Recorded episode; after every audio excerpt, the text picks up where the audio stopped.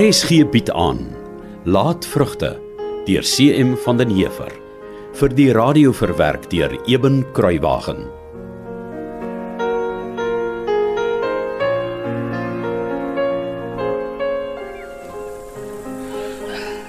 Genigtig. Is dit dan tog nie? Dit is. Nou wat soek die ou korrelkop hier? Ek moet hier wegkom. Ja! Wag daar. Ja! Ja, Vader, wees my tog net genadig vandag. Middag ja. Ek's bly ek kry jou hier. Toe. Vat my hand. Ek uh, reken hy was nou lank genoeg in 'n vleis geklem. Of hoe? Middag. Ek uh, hoor dit gaan nie te goed met jou nie. Toe dink ek maar ek sal kom kyk. Ja, het uh, reg gehoor. Dit gaan nie te goed nie. Elendige ou been sal nog my doodbos. Dit is jammer om dit te hoor. Dankie. Sy brand. En ek is jammer ek het so flissies deur die grensdraad geklim. Maar toe ek jou hier by die dam sien sit, toe dink ek maar uh, vandag vergeet ons 'n wyle van grensdrade en so. Nee, is reg so. Wil jy nie weer sit nie? Jou been bietjie laat rus. Dit is seker nie te goed om so lank op hom te staan nie. Al het jy 'n kierie. Ja, uh ons uh, kan maar sit dit is soos jy sê. Sit is veel makliker as staan. Ja, Nou toe. Laat ek jou 'n bietjie aangee. Dankie. Gee hom as ek langs jou sit. Sit maar. Dankie. Huh. Ja, nou is ons kinders getroud. Ja. Nou is hulle getroud. Ja, Ons albei word nou oud ook. Ja. Ons word oud. En uh dis hoekom daar een ding is wat my baie hinder en wat ek eintlik lankal vir jou wou gesê het. En wat is dit? Mens leer baie. En die lewe gee vir ons harde klappe. Ja, dis uh dis nie ultimate nie. Maar uh, mens verstaan ook stadig aan dat jy nie in so 'n kwaai vriendskap met mekaar kan lewe nie. Ja, veral nie as ons kinders met mekaar getroud is nie. Juistement. En dis hoekom ek besluit het daardie een ding moet reg. En wat is daar die een ding? Sy brand. Dit was ek, ja. Ek het deur die tyd jou dam oopgetrek want ek het die water nodig gehad. Ek weet. Jy het geweet, Ja. maar ek moes dit net vir jou kom sê het. Baie dankie. Ek uh, ek moet ook iets sê. Wat? Ek uh, ek moes nooit water uit die vlei afgekeer het sonder om eers met jou te praat nie. Of darm 'n leibeurt of 'n ding met jou te reël nie. Ag wat. Gedane sake het geen keer nie. Buitendien, my suster Maria het my 'n waardevolle les geleer oor vergifnis en sulke goed. Ja. Ek het self ook 'n les of twee geleer die laaste tyd. Ons kan nou wel nie die verlede verander nie. Maar ultimate is daar hoop dat die rukkie wat ons nog oor het op God se aarde 'n trappie vriendeliker sal geskied as die jare wat agter ons lê. Dit klink vir my aanneemlik, ja. Ja, is dit goed so. Nou ja. Ek moet loop. Kan ek jou ophelp? Was al gaaf wees. Ja, Reg so. ja, Staan jy? dankie. Dan gaan ek maar. Eh, Beterskap met jou been. Ja. Baie dankie.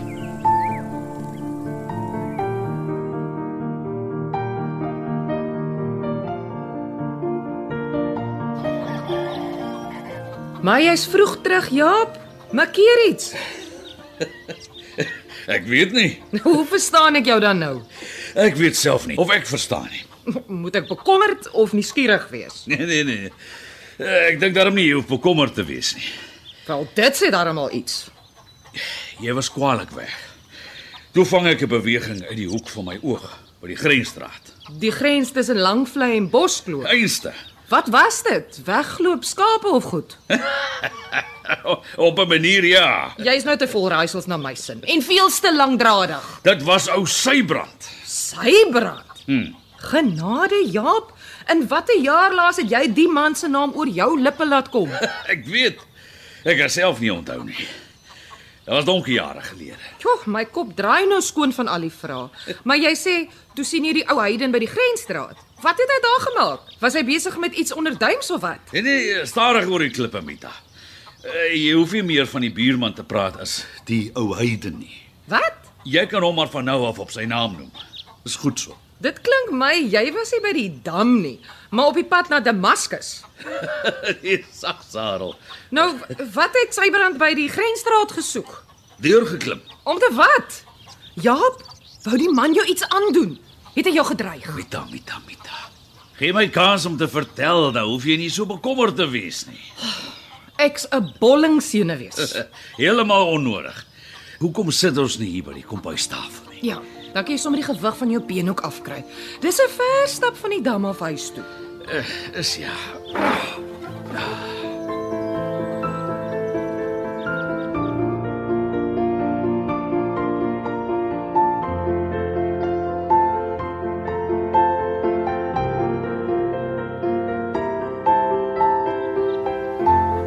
Dis 'n wonderwerk.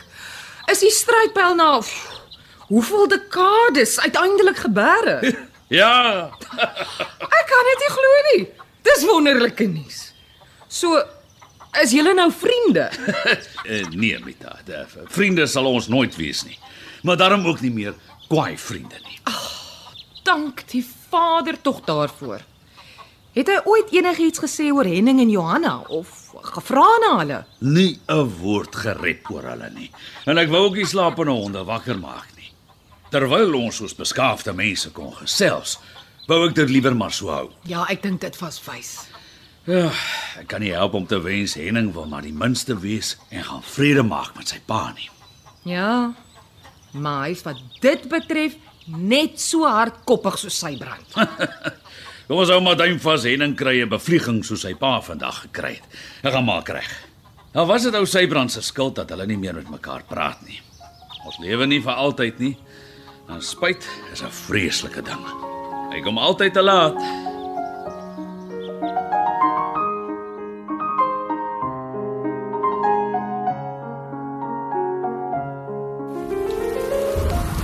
Dis nou al die 20ste dooie lammer wat ek kry. Dis 'n vreeslike wonder die meneer. Ons het lanklaas so baie lammers gehad wat op een slag vrek. Ek hoop maar net die wat ons in die waanhuis loop sit, het sal dit oorleef. Ja, ek dink die hooi sal daarom help meneer. Ek sien nie nog lammers nie. Jy, Ja meneer, ek ook nie. kom ons gaan maar waanhuis toe en maak seker hulle bly by mekaar om warm te word. Ek self voel ek wil vrek van die koue.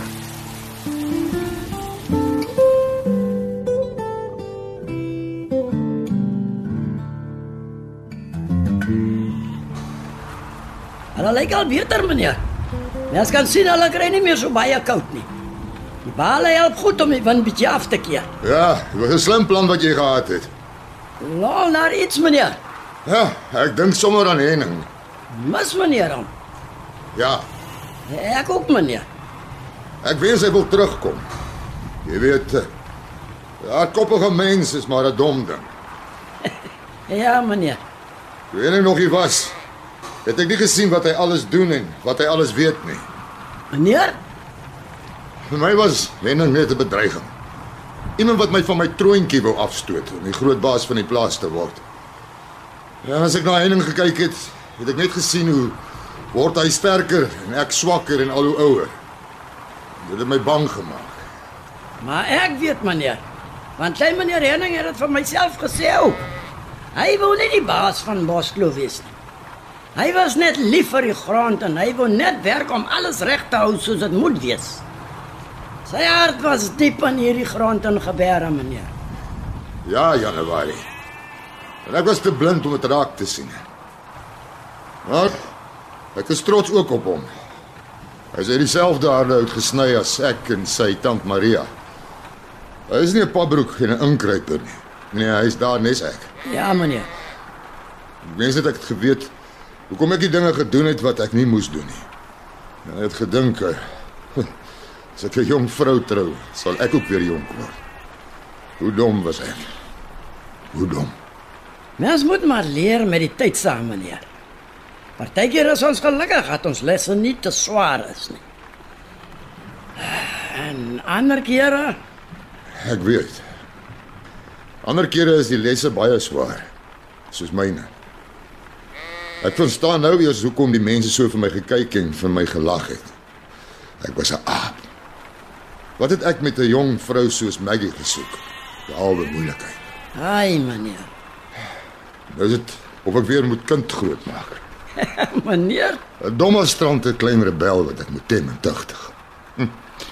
Sy het gedag sy kan my buig om te dans na haar pypies. Maar toe het sy haar rieme styf geloop teen 'n hardkoppige bevoetete ou man. En dit het sy nie verwag nie. Ek kan sien as ek kwaai vir haar kyk, dan raak sy bang. En dan flik vloei sy iets verskrikliks. En dit irriteer my grensloos. ja meneer. Maar daar's 'n ander ding wat ek vir niemand behalwe vir jou sal sê nie. Ja meneer. Ek glo nie Maggie loop 'n reguit pad met my nie. Meneer, Ek dink die polisieman wag sy kans af om by haar te kom kuier nes hy weet ek's van die plaas af. Hoe hy dit weet, verstaan ek nog nie. Maar ek sal hom uitvind en ek sal hom nog voorlê. en dan meneer. Dan Januarie. Is hulle albei se doppies geklink.